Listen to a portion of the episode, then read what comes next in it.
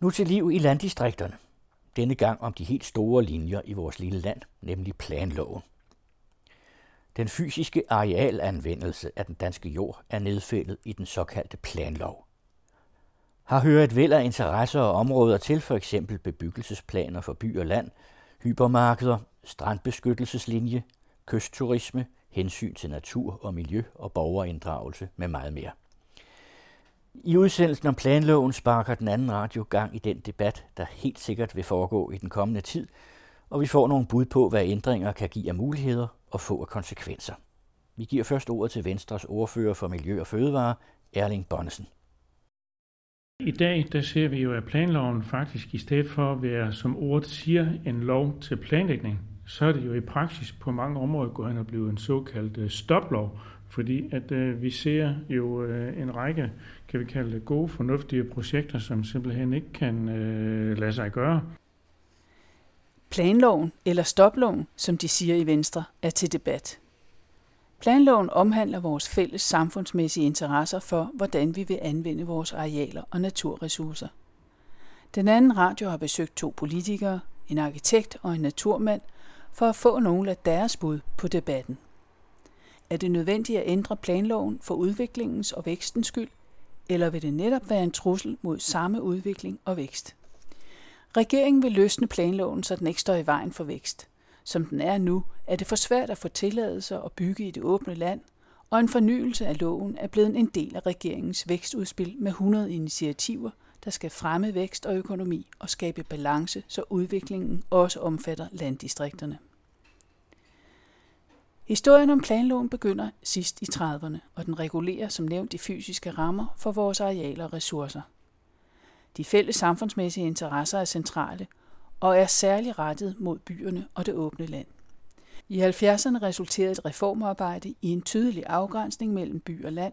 Så fik man styr på byvæksten, så den ikke bare strålede ud i det åbne land, som man så i store byer i store dele af verden. Tag bare Los Angeles som eksempel. Jesper Pag, direktør i Arkitektforeningen, forklarer her. Man havde et klart ønske om at have en klar grænse mellem hertil, der går byen, og herude på den anden side, der har vi det åbne land. På det tidspunkt her, der mødes mange forskellige interesser. Øh, landbrugets interesser, landbruget som jo altså også dengang var et øh, erhverv i, øh, i tilbagegang, både økonomisk set og antallet af bedrifter og så videre øh, men som jo havde en interesse i, naturligvis, at, øh, at de her byer, de ikke bare skulle æde sig ind, så der til sidst ikke var noget åbent land at dyrke. Det, øh, samtidig så havde man jo også en interesse i at kunne udstykke noget af sin øh, knap så attraktive øh, jord netop til, øh, til byudviklingsformål. Så havde man øh, gryende øh, miljøbevægelser, som var meget, meget stærke, og som øh, havde en interesse i, at man friholdt det åbne land, både til, øh, også, også til rekreative aktiviteter. Og så er der hele øh, planlæggerområdet, som har en faglig interesse i at få kontrol over, hvordan de her ting de, de udvikler sig. Hvem er planlæggerne, når du snakker om det på den måde? På det her tidspunkt, der er planlæggere først og fremmest arkitekter. De er geografer, øh, og der er selvfølgelig der er, øh, sociologer, som i stigende grad kommer ind på især byplanlægningsfeltet. Øh, men en meget, meget stor del af dem, der øh, varetager den fysiske planlægning på det her tidspunkt, de er arkitekter. Det er dem, der sidder i styrelserne, det er dem, der sidder i ministeriet, også i boligministeriet, det er dem, der bliver ansat i kommunerne. Det er også dem, der er byplankonsulenter op igennem 1960'erne. Også hensynet til natur og miljø hører under planloven. Og med regeringens ønsker om at slække på lovens bestemmelser om, hvor man må bygge for eksempel ved kyster og i det åbne land, er Danmarks Naturfredningsforening på vagt. Michael Let, direktør i Danmarks Naturfredningsforening, er bekymret. Nogle af de restriktioner forstår vi, at øh, regeringen vil gøre op med. Øh, det skal være nemmere at, at indrette eksisterende tomme bygninger øh, i det åbne land øh, til andre formål end landbrug. Øh, og det skal også være øh, nemmere at bygge nyt øh, på egen grund, eller på egen matrikel, som det hedder.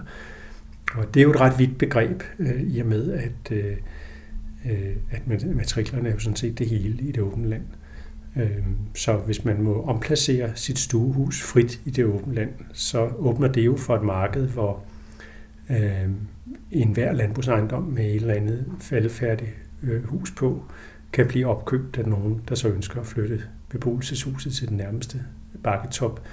Og det er jo noget af det, som vores øh, bagland i hvert fald er kritisk overfor. Altså, hvordan vil det her se ud, øh, og hvad vil det betyde for, for øh, sammenhængskraften i, i den natur, der så også øh, øh, findes mange steder i, i landbrugslandet. Man kan sige, at dogmerne omkring dansk natur er jo, at, øh, øh, at vi har en øh, stærk adskillelse af, af øh, byer øh, og natur. Vi har en, en skarp øh, bylinje, byafgrænsning.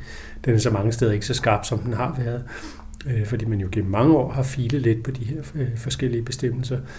Øh, men en af naturens funktionsbestemmelser er jo, eller betingelser er jo, at øh, vi gerne vil have større områder og bedre sammenhængende øh, naturområder.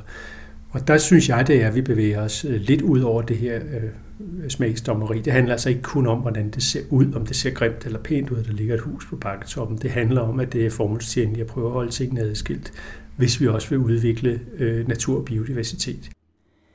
Vi vender lige kort tilbage til Erling Bundesen, Venstres ordfører for Fødevare og Miljø. Han sagde i indledningen, at planloven er en stoplov. Han mener, planloven forhindrer fornuftige projekter og kommer her med et eksempel. Vi har jo set øh, sager, hvor for eksempel en, øh, en vognmand inde midt i en by øh, holder med alle sine øh, busser og lastvogne og klemt ind inde midt i byen og ikke kan udvikle sig, gerne vil flytte uden for, øh, for byen, for eksempel på en nedlagt øh, landbrugsejendom, og hvor det er også, at øh, byrådet øh, i fuldstændig enighed, den pågældende kommune siger, det er da en meget fornuftig idé, men hvor det så er, at det på grund af de i dag restriktive regler ikke kan få, få lov til det. Og det er sådan set uh, tosset, så det er jo et eksempel på, at uh, der er behov for at få, få set på, at der skal noget mere fornuft ind i planloven, sådan at der også bliver mulighed for, at, at, at man kan udvikle erhverv og arbejdspladser.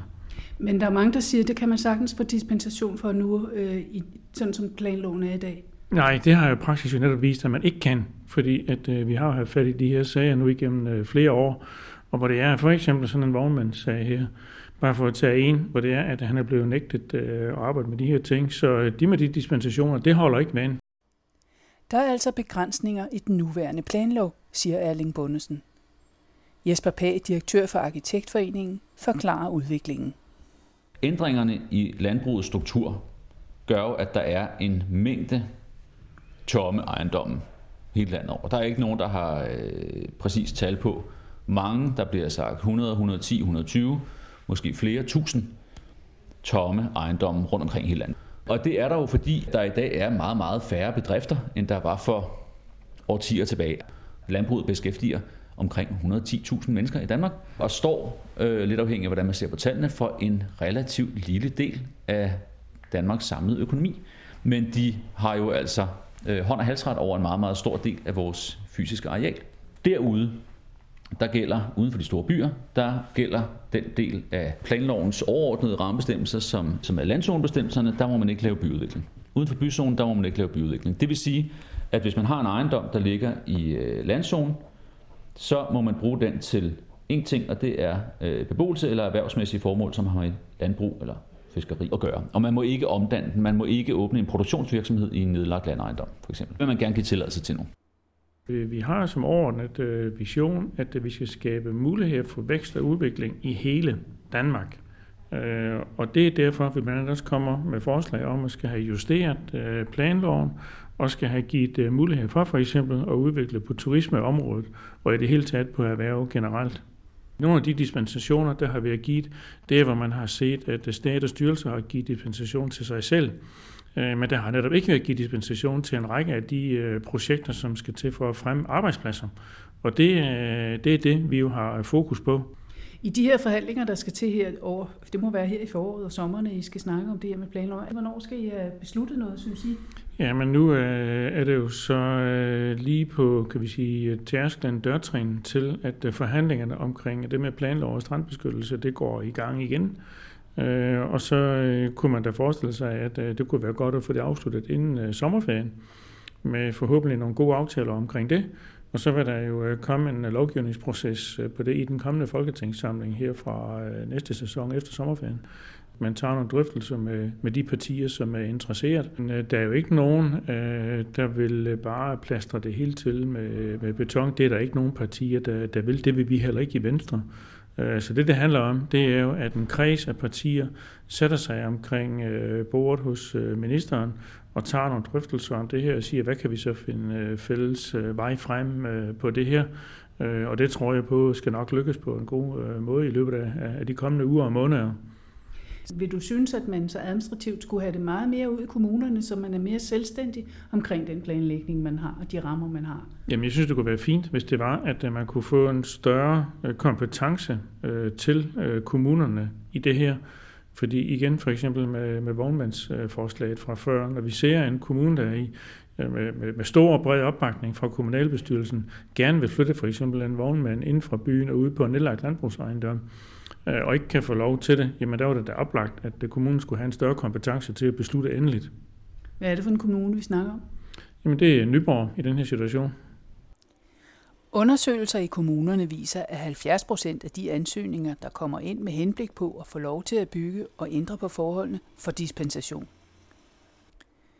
For partiet Enhedslisten skal der ikke ændres stort i planloven.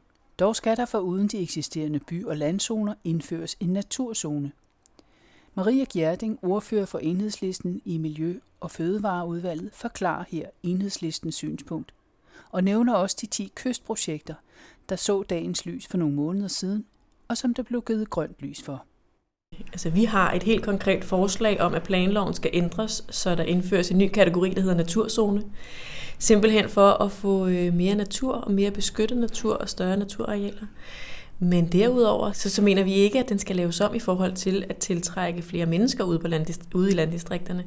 Der ser vi øh, meget mere på, at vi skal, vi skal se på, hvordan øh, landbruget kan udvikle sig væk fra den her masseproducerende industri og hen imod en produktion, hvor vi laver højkvalitets forædlede fødevarer, så vi kan få mange flere arbejdspladser ude i landdistrikterne. Så ser vi også meget gerne på, hvordan kan vi få, få flere daginstitutioner, hvordan kan vi få øh, decentraliseret skolerne, så de ikke bare bliver større og mere centraliseret, men vi får dem ude i de små landsbyer. Nu kom du til at sige, at så vi ikke bare får flere til at flytte derud. Det vil man jo gerne. Man vil gerne have en bosætning. En hver kommune med respekt for sig selv har jo en bosætningskonsulent. Og det vil vi også meget gerne i enhedslisten. Vi ser bare ikke planloven som en barriere for det. Vi ser, at det er nogle helt andre strukturelle ting, der foregår i samfundet lige nu. Blandt andet med landbruget, men også med en masse andre ting, hvor man lukker skoler, man lukker daginstitutioner, man lukker dagligvarerbutikker. Det vil man kun forstærke med de ændringer af planloven, som øh, Venstre har lagt op til med deres udspil. Netop det, at de vil løsne lidt, det har jo gået på i første omgang, at man ville åbne op for noget kystturisme og givet 10 projekter lov. Hvad øh, er jeres holdning til det? Det er fuldstændig ubegribeligt tåbeligt at åbne op for øh, bebyggelse i strandbeskyttelseslinjen, som er, som, som er det, de gør. Der er ikke noget belæg for, at øh, byggeri i strandbeskyttelseslinjen vil tiltrække flere turister. Tværtimod, rigtig mange turister kommer til Danmark for at opleve den uspolerede natur, vi har ved vores kyster. Undersøgelser viser, at turisterne savner flere attraktive ting i de byer, der ligger der. Men det er altså ikke et stort hotel helt nede på kysten, og det er ikke, ikke alle mulige vandforlystelsesaktiviteter i strandkanten. Så det er en i vores øjne fuldkommen forfejlet analyse, og vi risikerer at sætte det over styr, som turisterne faktisk kommer for at opleve. Har I andre tanker om, at der skulle komme noget, nogle flere bosættelser, eller noget mere erhverv, eller nogle større visioner? Jamen lige præcis, at, øh, at få skabt øh, Danmark i, i balance, så der også kunne blive skabt mulighed for noget vækst og noget erhverv og noget udvikling og nogle arbejdspladser, så at sige, i hele øh, Danmark. Men det er klart, øh, at øh, der er jo ikke nogen, der vil gå på kompromis med, at vi stadigvæk skal passe godt på vores natur og passe godt på vores øh, miljø. Og når vi snakker strandbeskyttelseslinje, så er det jo fuldstændig forfejlet, når nogen siger, at vi bare vil lave øh, beton og koster del Sol over det hele. Det, det holder jo overhovedet ikke. Det er jo, det er jo et fuldstændigt øh, fejlskud at gå ud i sådan noget skæv retorik. Det vi jo vil og gør og siger, det er, at med eksempel i de her 10 konkrete forslag, som vi nu har sagt, vi gerne vil, for at kunne øh, styrke øh, kystturismen for eksempel, ikke? med nogle konkrete projekter, jamen det kan vi sagtens gøre, uden at øh, vi kommer til at smadre vores, øh, vores kønne natur eller vores strandbeskyttelse. Men der er nogen, der siger, at så begynder kommunerne at konkurrere med hinanden. Fordi at øh, når den ene skal have noget, som tiltrækker turisme, så vil vi også, eller vi skal også have, og der er faktisk ikke nogen, noget, der beviser, at øh, turisterne kommer. Jo, men altså, vi kan jo se, når det er, at de for eksempel i øh, Tyskland og andre steder, hvor de også har øh, visse kyststrækninger, laver en vis øh, udvikling af deres kystturisme, jamen så er det klart, at hvis vi ikke laver en passende udvikling, øh, også hos os, jamen, så mister vi jo øh, turister. Øh, og det er der sådan set ligesom ikke nogen grund til, specielt når vi så vi har 7.000 km kyststrækning. Skulle vi så bruge øh, nogle 100 meter af det, eller hvad det nu kan blive, jamen øh, i hvert fald en lille andel af det, så smadrer det jo slet ikke vores øh, 7.000 km lange kyststrækningslinje. Øh, Men konkret er der jo for eksempel to projekter med sådan nogle rimelig store turisthoteller og badehoteller, hvor man begge steder regner med 500.000 flere turister. Hvor skal de komme fra? Der er ikke nogen, der har undersøgt, om turisterne vil komme på badehotellerne. Jamen, øh, det er jo projektholderne øh, og idéfolkene, øh, at der, kan vi sige, må lægge deres kalkulationer for det, fordi det er jo ikke offentlige penge, at der skal til at investere i det. Det er jo private penge. Men øh, vi ved jo alle sammen, at øh, som, som turister, nogen vil gerne bare på en helt stille og rolig badeferie og ligge på langs en uge uden at foretage sig øh, ret meget. Andre vil gerne på såkaldt aktiv ferie og være meget aktiv. Og noget af den udvikling, som vi jo ser, det der efterspørges, det er for eksempel, hvor man kan øh, kombinere en række aktiviteter med, øh, kan vi så sige, andre også afslappende aktiviteter. Og det gør jo så også, at man er nødt til at udvikle sine turistfaciliteter efter det. Og der skal vi jo da kende vores besøgelsestid, og dem, der har forstand på det her, det er jo altså folkene i turistbranchen. Og når de står klar til at foretage nogle investeringer, så er det også vores opgave som politikere at lave nogle rammer, der passer til. Og der skal vi jo sådan netop veje det af, sådan at vi både giver nogle udviklingsmuligheder for turismen, og stadigvæk også passer godt på vores natur og vores miljø. Og det kan godt lade sig gøre at få de to ting til at gå op i en højere enhed. Så vidt Erling Bonnesen fra Venstre og deres visioner. I enhedslisten har man også visioner. Maria Gjerding. Planloven er der jo også for at sikre nogle overordnede nationale hensyn. For eksempel at sikre, at vi ved vores kyster har en uspoleret natur for alle danskere. Vi er jo ikke kun et land, der skal tiltrække turister. Vi skal også sikre, at der er noget, som alle danskere kan komme ud og opleve. Og kysterne og stranden, den ejer vi jo alle sammen. Og derfor så skal vi passe på den i fællesskab. Så det er jo også det, som Naturbeskyttelsesloven og planloven gør. Det er at sikre, at tingene ikke løber løbsk, og kommunerne de ikke kaster sig ud i en konkurrence mod hinanden. Det, er jo også blevet, det har man jo også hørt advarsler om i forbindelse med de her øh, kystbyggerier at så begynder den ene kommune at bygge et kæmpestort badeland, som de andre kommuner øh, bliver lidt nervøse over, og så skal de konkurrere om, hvem der kan bygge det største. Og det er jo også der, det planloven ligesom, øh, er med til at sætte nogle rammer om, at vi planlægger vores land ud fra nogle overordnede nationale hensyn, og det synes jeg, vi skal holde fast i.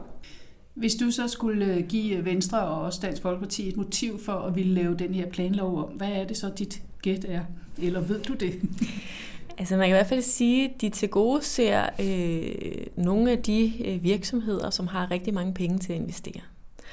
Og det, øh, det kunne umiddelbart være et, motiv at åbne op for at få flere investeringer derud. Problemet er, hvis de her investeringer blandt andet i byggeri i strandbeskyttelseslinjen eller i kæmpe store hypermarkeder, altså kæmpe bilkager og føtexer, Øh, hvis det er med til at affolke, eller faktisk skabe den helt modsatte effekt, skræmme turisterne væk, i stedet for at tiltrække dem, så er det jo virkelig øh, forfejlet, og så går vi jo i den stik modsatte retning, end det, som vi alle sammen ønsker at gå i. Ved du noget om, hvad det er, at vi kan forvente os, der skal diskuteres, eller er der bare et flertal for, at det skal være nemmere at bygge og ikke alt i stramme?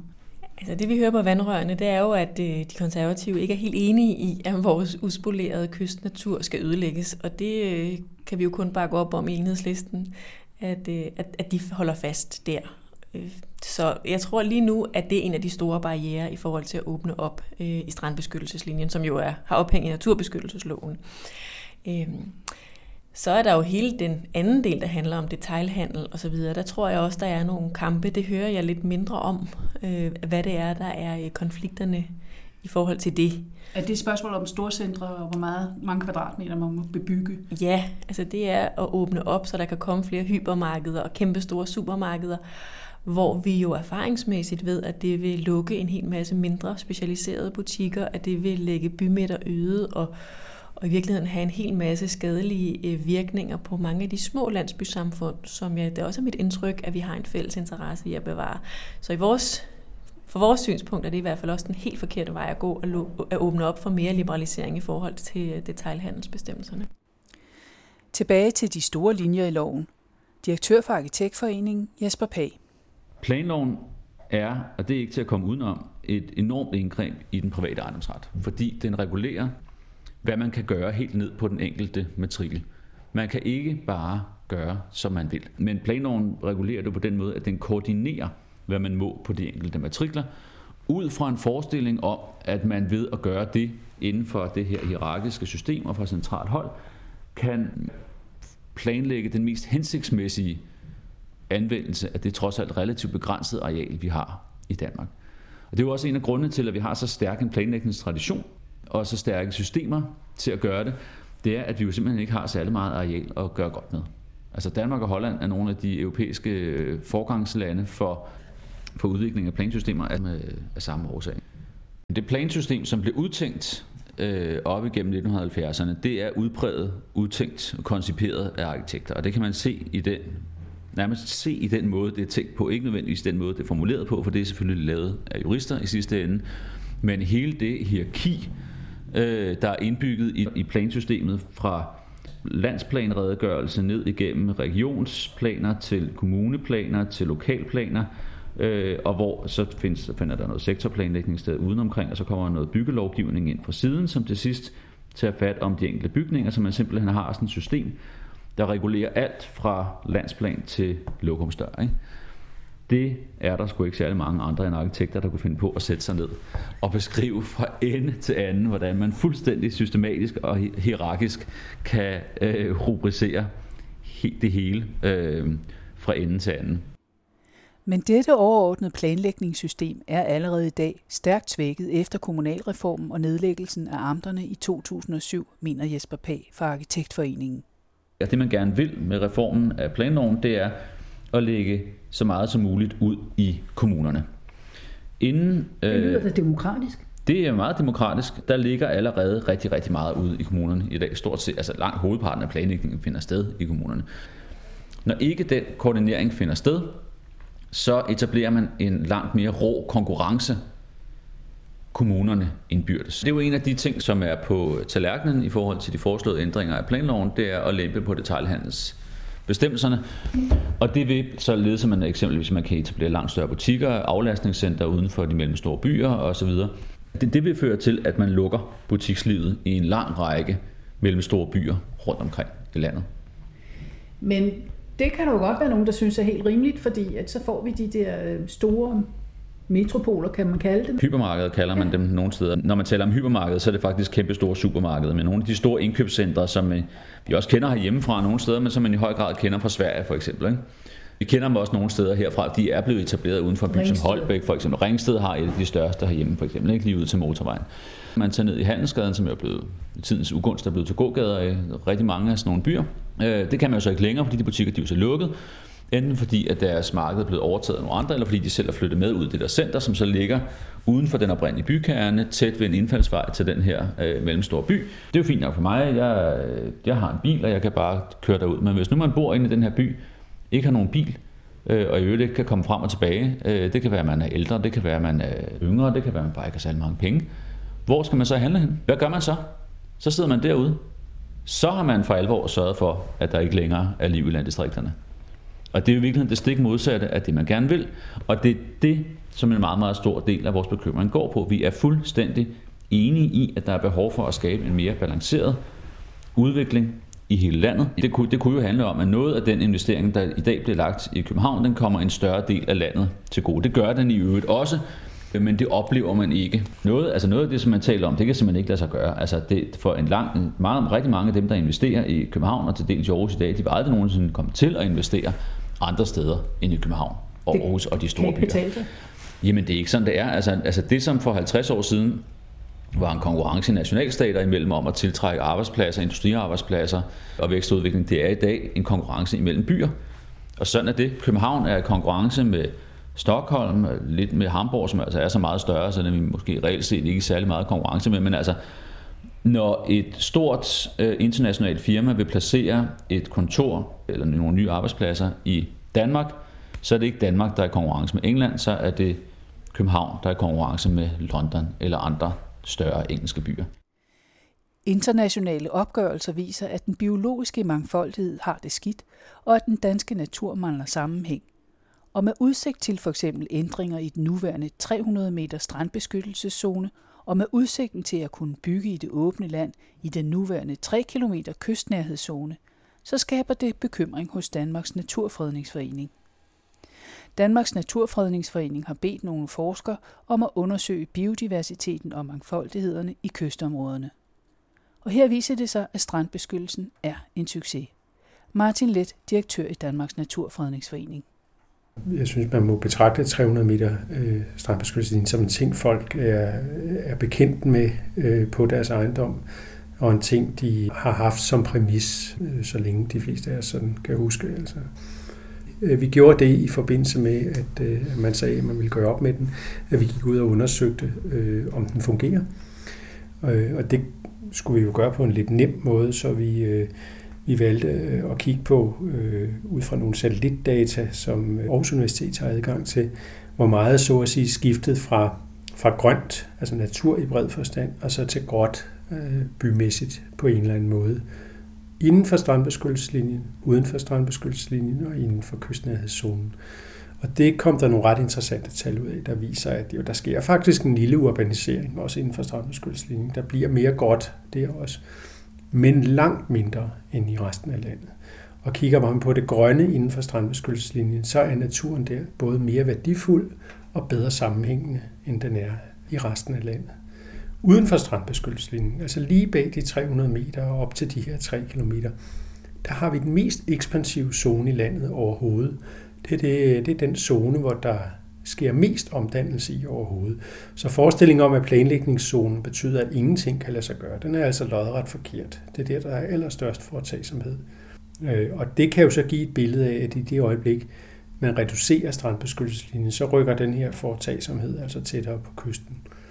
Øh, så det er det, vi blandt andet har reageret med. Og helt konkret har man jo sagt, at det skulle være nemmere at få lov til, og så er man sådan kommet med nogle eksempler på noget med nogle gyngestativer og nogle højbede og øh, nogle æbletræer, som vist nok i, i virkelighedens verden var en helt frugtplantage, som man mente, at det var forkert, man ikke kunne få lov til inden for strandbeskyttelseslinjen. Men man har så også i flæng sagt noget om noget badeland øh, og nogle, en række andre ting, som øh, forskellige borgmester kom op med og heller ikke kunne lade sig gøre. Øh, så har man også sagt, at man vil reducere strandbeskyttelseslinjen til nærmeste vej. Altså var der en vej et eller andet sted, der gik langs kysten, øh, og der kan de fleste af os måske se billedet for sig, når vi kører til færgen op på Sjællands Øde, at man kører et meget smukt sted der på vejen. Øh, der ville skulle man så i, virkeligheden reducere strandbeskyttelseslinjen ind til, til vejen der, og så skulle der så på, væk fra, fra, fra kysten, der skulle det så bare være de almindelige regler, der gælder. Og jeg synes, det er meget tydeligt, at, øh, at kystlandskabet øh, sagtens kan være mere end til første vej. Og i øvrigt, det er sådan noget, vi kender fra Sverige, hvor man også har øh, et, det, der kalder et strandskyt. Så skal man så til at diskutere om, øh, hvad en vej er, øh, om den skal være med eller uden midterstribe, om en grusvej er en vej, om et spor er en vej, øh, osv. Og om ham, der kom til at, at bygge, gjorde det i god tro, fordi midterstriben tilfældigvis var væk. Det er den type sager, man, øh, man har haft øh, derovre. Øh, så vi satte os faktisk også og regnede på, hvad ville det betyde at reducere strandbeskyttelseslinjen til nærmeste vej. Øh, og øh, der fandt vi jo ud af, at det ville i gennemsnit betyde, at 18 procent af det strandbeskyttede areal øh, ville forsvinde. Men det ville i nogle kommuner være helt op til 60 procent, øh, og i andre kommuner selvfølgelig langt mindre. Så det er dels en meget effektiv beskyttelse, og dels er der ingen tvivl om, at de forslag, man har rumlet med fra regeringens side, ville betyde et opgør med det her af dimensioner. Vi vil gerne tage noget landbrugsareal ud af produktion, og i stedet for omlægge det til natur. Og der tror jeg jo også, at vi har en af nøglerne i forhold til at tiltrække turister.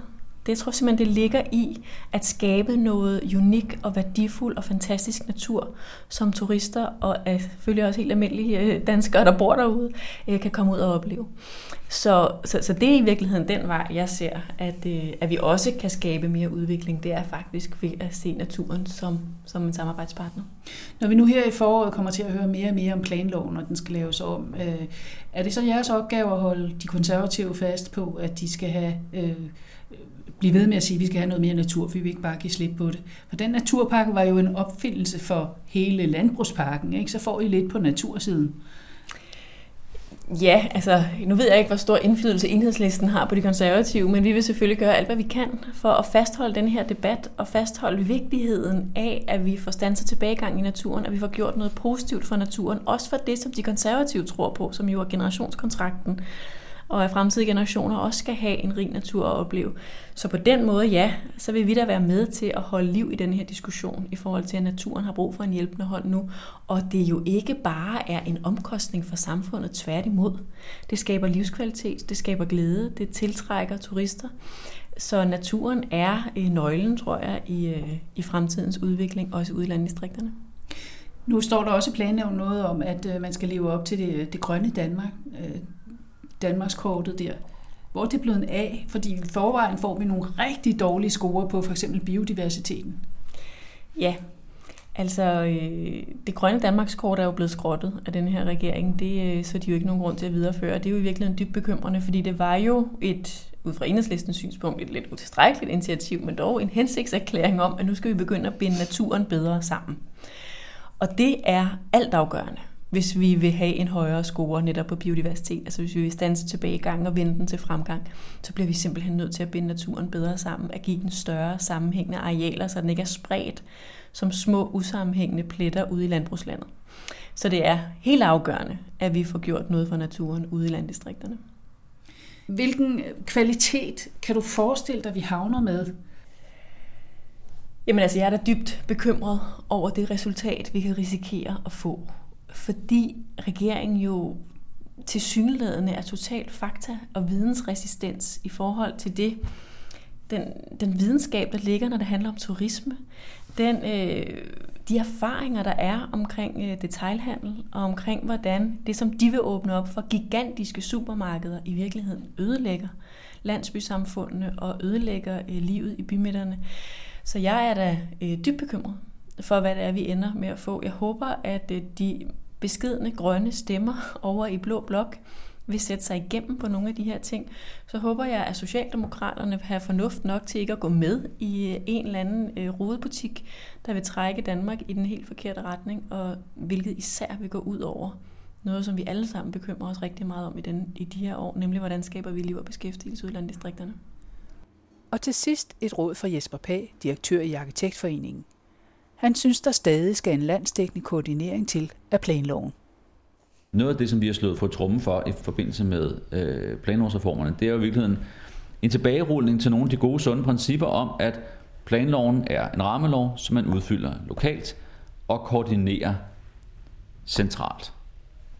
Det er sådan set det grundlæggende. Men inden for rammerne af den sådan sammenblanding, vi har lige nu, der kan man godt være bange der skal, jo, der skal jo være nogle institutioner, hvor det her kan finde sted. Der er nogle, øh, der er nogle moderne redskaber, som man kunne tage i anvendelse af forskellige digitale redskaber til arealanvendelse og koordinering af de forskellige værktøjer, så det ikke foregår på hver sin måde i princippet i kommunerne, men så man rent sådan håndteringsmæssigt kunne strikke planerne sammen til en overordnet landsplan. Det man har gjort nu, det er at splitte de her tre love, som jeg talte om, planloven, miljøbeskyttelsesloven og naturbeskyttelsesloven, som tidligere lå i et ministerium, op i to ministerier. Og så har man flyttet det, der handler om benyttelse, over i Erhvervsministeriet, og så har man flyttet det, der handler om beskyttelse, sammen med landbrugs- og fødevareområdet, over i det, man så stadigvæk er friske nok til at kalde for et miljøministerium. Og det er sådan set den stik modsatte vej at gå, at det, som jeg tror vil være en, øh, en sund måde at skabe vækst og udvikling i hele Danmark på. Ikke? Netop at styrke koordineringen. Der sidder færre og færre fagpersoner og tager sig af planlægningen ude i kommunerne. Og selv i de her nu ganske få ret store kommuner, hvor man skulle tro, at der var altså plads til at have en meget, meget stor og stærk planafdeling med nogle meget, meget dygtige fagpersoner, men de har ikke den opbakning, som der skal til, for at man kan lave det stærke plangrundlag, der alle steder skal til, for at man kan sikre vækst i kommunerne. Her til sidst hørte I Jesper Pag, direktør for Arkitektforeningen, og i øvrigt medvirkede Erling Bonnesen, Miljø- og Fødevareordfører for Venstre, Michael Let, direktør i Danmarks Naturfredningsforening, og Maria Rømert Gerding, Miljø- og Fødevareordfører for Enhedslisten. Anne Eggen og Christina Grossmann Due havde tilrettelagt.